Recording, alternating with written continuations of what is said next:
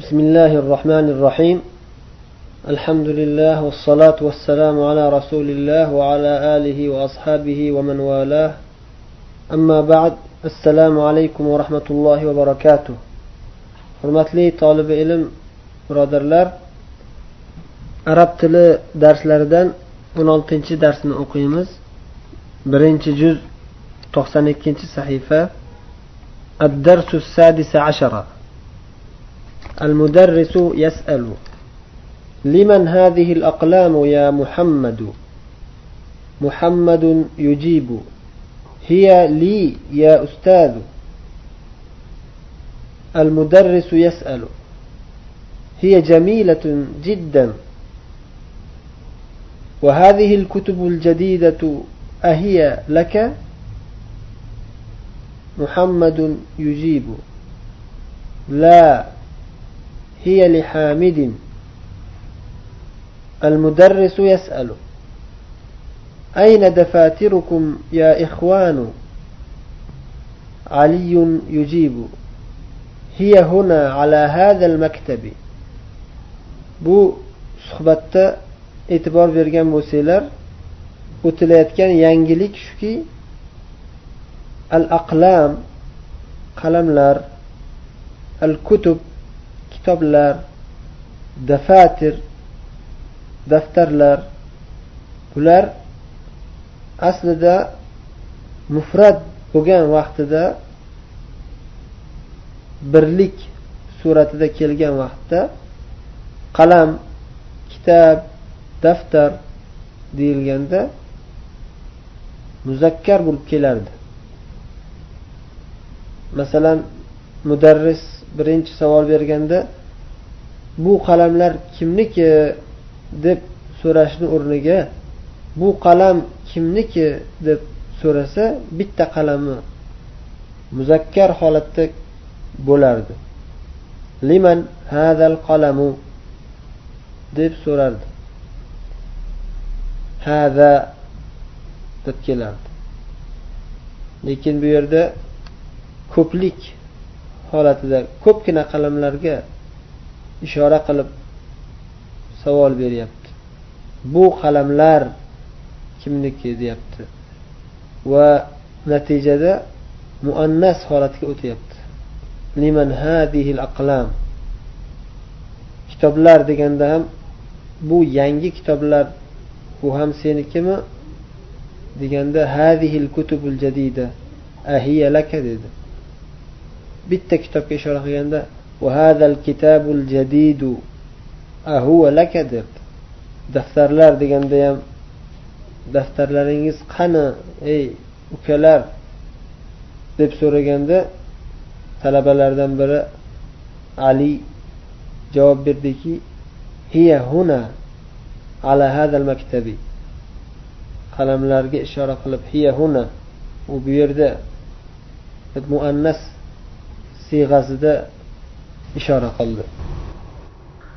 Demak aqlam kutub dafatir va hokazo shunga o'xshash kalimalar mufrat bo'lganda muzakkar bo'ladi jam bo'lganda muannas siyg'asida iste'mol qilinadi. Lekin talabalar mudarrislar insonlar deyilsa mufrat birlik holati ham ko'plik jami holati ham muzakkar muzakkar siyg'asida iste'mol qilinadi. Misol uchun hada tolibun mana bu talaba. Endi buni ko'pligi haulai tullabun. Zalika mudarrisun.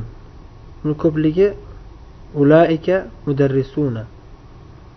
Arab tilida aqlli va aqlsiz narsalar deb taqsimlashadi. Agar aqlli narsalar muzakkar kalimalar bo'lsa uni mufradi ham jam holati ham muzakkar siyg'asi deb iste'mol qilinadi agar aqlsiz narsalar mufrat bo'lganida muzakkar siyg'asida iste'mol qilinsa ham lekin jam holatiga o'tsa muannas siyg'asida iste'mol qilinadi tamarin التمرين الأول تأمل الأمثلة الآتية quyidagi misollarga yaxshilab qarang. Yaxshilab e'tibor bering. Alif birinchi a qismi. Al mufrat mufrat holatida masalan hada tolibun jadidun. Bu yangi talaba deyapti. Muzakkar holatida. Chunki o'g'il bola. Huva min baljika. U belgiyadan endi shuni bu yangi talaba emas bular yangi talabalar desangiz jam holatida haulai tullabun jududun. Hum min baljika mana bular yangi talabalar. Ular belgiyadan deysiz. Mufrat holati ham muzakkar bo'lyapti jam holati ham muzakkar bo'lyapti. Chunki bular aqlli aqllilar qismidan va muzakkar bo'lgan odamlar. Ba qismiga qarasangiz al mufrad hada kitabun jadidun huwa min baljika mufrat birlik ko'rinishi misol hada kitabun jadid bu yangi kitob. U belgiyadan. Endi shuni jam ko'rinishini e'tibor berib qarasangiz haulai kutubun jududun deyilmaydi. Haulai kutubun jududun hum min baljika deyilsa xato bo'ladi. Asli mufrat holatida muzakkar edi. Jam holatiga o'tganda muzakkar holatida muzakkar siyg'asida iste'mol qilinmaydi.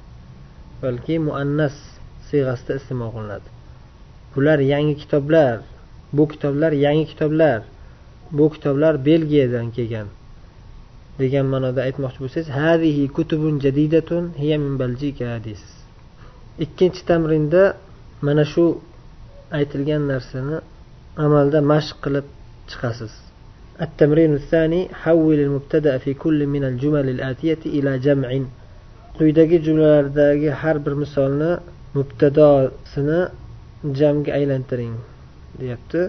Mubtadosini aylantiring degani sababi chunki xabarni o'zi jam holati bu yerda qavs ichida yozib ko'rsatib qo'yilgan. Misol hada baytun jam holatiga o'zgartirsangiz hadihi buyutun deysiz. Endi qolgan misollarni ham mufrat holatidan ko'plik holatiga o'zgartirasiz va aqlsiz narsa ekanligini e'tiborga olib mufrat holatida muzakkar bo'lgan bo'lsa ham jam holatida muannas sifatida iste'mol qilasiz. Shu misollarning o'n beshinchi o'n oltinchi o'n yettinchisiga qarasangiz mufrat holati ham muannas ko'plik holati ham muannas. Mufrat holatida ham hazihi saatun mana bu soat deyilyapti ko'plik holatida ham hazihi deb iste'mol qilinadi yana. Bular degan o'zi. Hazihi saatun mana bular soatlar. Lekin mufratiga ham jamiga ham bir xil kalima bilan ishora qilinyapti. Hazihi xuddi shuningdek moshinaga qarasangiz moshina hazihi sayyaratun mana bu moshina desangiz ko'pligida ham hazihi sayyaratun deysiz. Hazihi toiratun ko'pligi ham hazihi toiratun. Chunki bular aqlsiz narsalar qismidan. Agar aqlli muannas narsa bo'lganda masalan hazihi tolibatun. Bu toliba qiz desangiz shuni bular toliba qizlar demoqchi bo'lsangiz hazihi tolibatun demaysiz unda xato bo'lib qoladi. haulai tolibatun deysiz xuddi erkaklarga iste'mol qilinadigan hadani jami haulai bo'lganday ayollarga iste'mol qilinadigan hadihini jami ham haulai bo'ladi ammo aqlsiz narsalarga haulai iste'mol qilinmaydi التمرين الثالث أشر إلى الأسماء الآتية باسم إشارة مناسب للقريب هذا هذه هؤلاء quyidagi ismlarga yaqinda turgan narsaga munosib bo'ladigan ism ishora bilan ishora qiling deyapti. Hada hadihi haulay hada bitta muzakkar mufratga aqlli va aqlsizlarga. Hadihi bitta mufrat muannasga yoki ko'pgina jam bo'lgan lekin aqlsiz narsalarga. Haulai ko'pgina aqlli narsalarga xoh muzakkar bo'lsin xoh muannas bo'lsin. Birinchi misolda rajulun dedi. Bitta muzakkar aqlli. Unga nima deysiz? Shuni yozasiz. Rijalun. Ko'pgina aqllilar muzakkarlar. Unga nima deysiz? Buni yozasiz. Kalbun. Bitta muzakkar mufrat aqlsiz. Kilabun. ko'pgina jami muzakkar aqlsiz unga nima deysiz yuqorida aytganimizni eslang ko'pgina muzakkar aqlsiz bitta muannasday ishora qilinadi va hokazo qolgan misollarni ham e'tibor berib yozib o'qib mashq qiling التمرين الرابع أشر إلى الأسماء الآتية باسم إشارة مناسب للبعيد ذلك تلك أولئك endi bu mashqda uzoqdagi turgan narsaga munosib keladigan ism ishora bilan ishora qilib aytasiz bundan oldingi mashqda yaqindagi turgan narsalarga munosib keladigan ism ishorani talab qilingandi bu yerda uzoqdagi turgan ism ishoralarni munosibini tanlashing tanlab yozib chiqishingiz talab qilinyapti Darsning oxirida yaqinda turgan ism ishoralarni qaysi biri qaysi holatda aqllilarga iste'mol qilinadi? Uzoqdagi turgan narsaga ishora qilinadigan ism ishoralarning qaysi biri qaysi holatda aqllilarga ishora qilinadi? Va qaysi biri qaysi holatda aqlsizlarga iste'mol qilinadi? Shularni bayon qilgan. Birinchi qismi yaqinda turgan aqllilarga ishora qilinadigan ism ishoralar. Hada tolibun haulai tullabun deysiz bu talaba ana bular mana bular talabalar. Hadihi tolibatun bu talaba qiz haulai tolibatun bular talaba qizlar deysiz. Ikkinchi qismi uzoqda turgan aqllilarga ishlatiladigan ism ishoralar zalika tolibun hu ana u talaba. Ulaika tullabun hu ana ular talabalar. Tilka tolibatun hu ana u toliba qiz. Ulaika tolibatun hu ana ular toliba qizlar. Demak haulai va ulaika ko'plik aqllilarga. Xoh muzakkar bo'lsin xoh muannas bo'lsin. Uchinchi qismi yaqinda turgan aqlsiz narsalarga iste'mol qilinadigan ism ishoralar. Hada baytun hadihi buyutun. Mufradiga hada baytun mana bu uy birlik. Mufratga aytiladi. Bular uylar mana bu uylar. Demoqchi bo'lsangiz hadihi buyutun deysiz. Farqi shu yerda. Haulai demaysiz. Haulai aqllilarga faqat. Ammo hada bo'lsa aqllilarga ham aqlsizlarga ham faqat muzakkarga. Hadihi agar aqlli muannas bitta bo'lsa hadihi bo'ladi. Lekin ayni shu kalima hadihi aqlsizlarga ham qachonki ko'plik siyg'asida bo'lsa iste'mol qilinadi.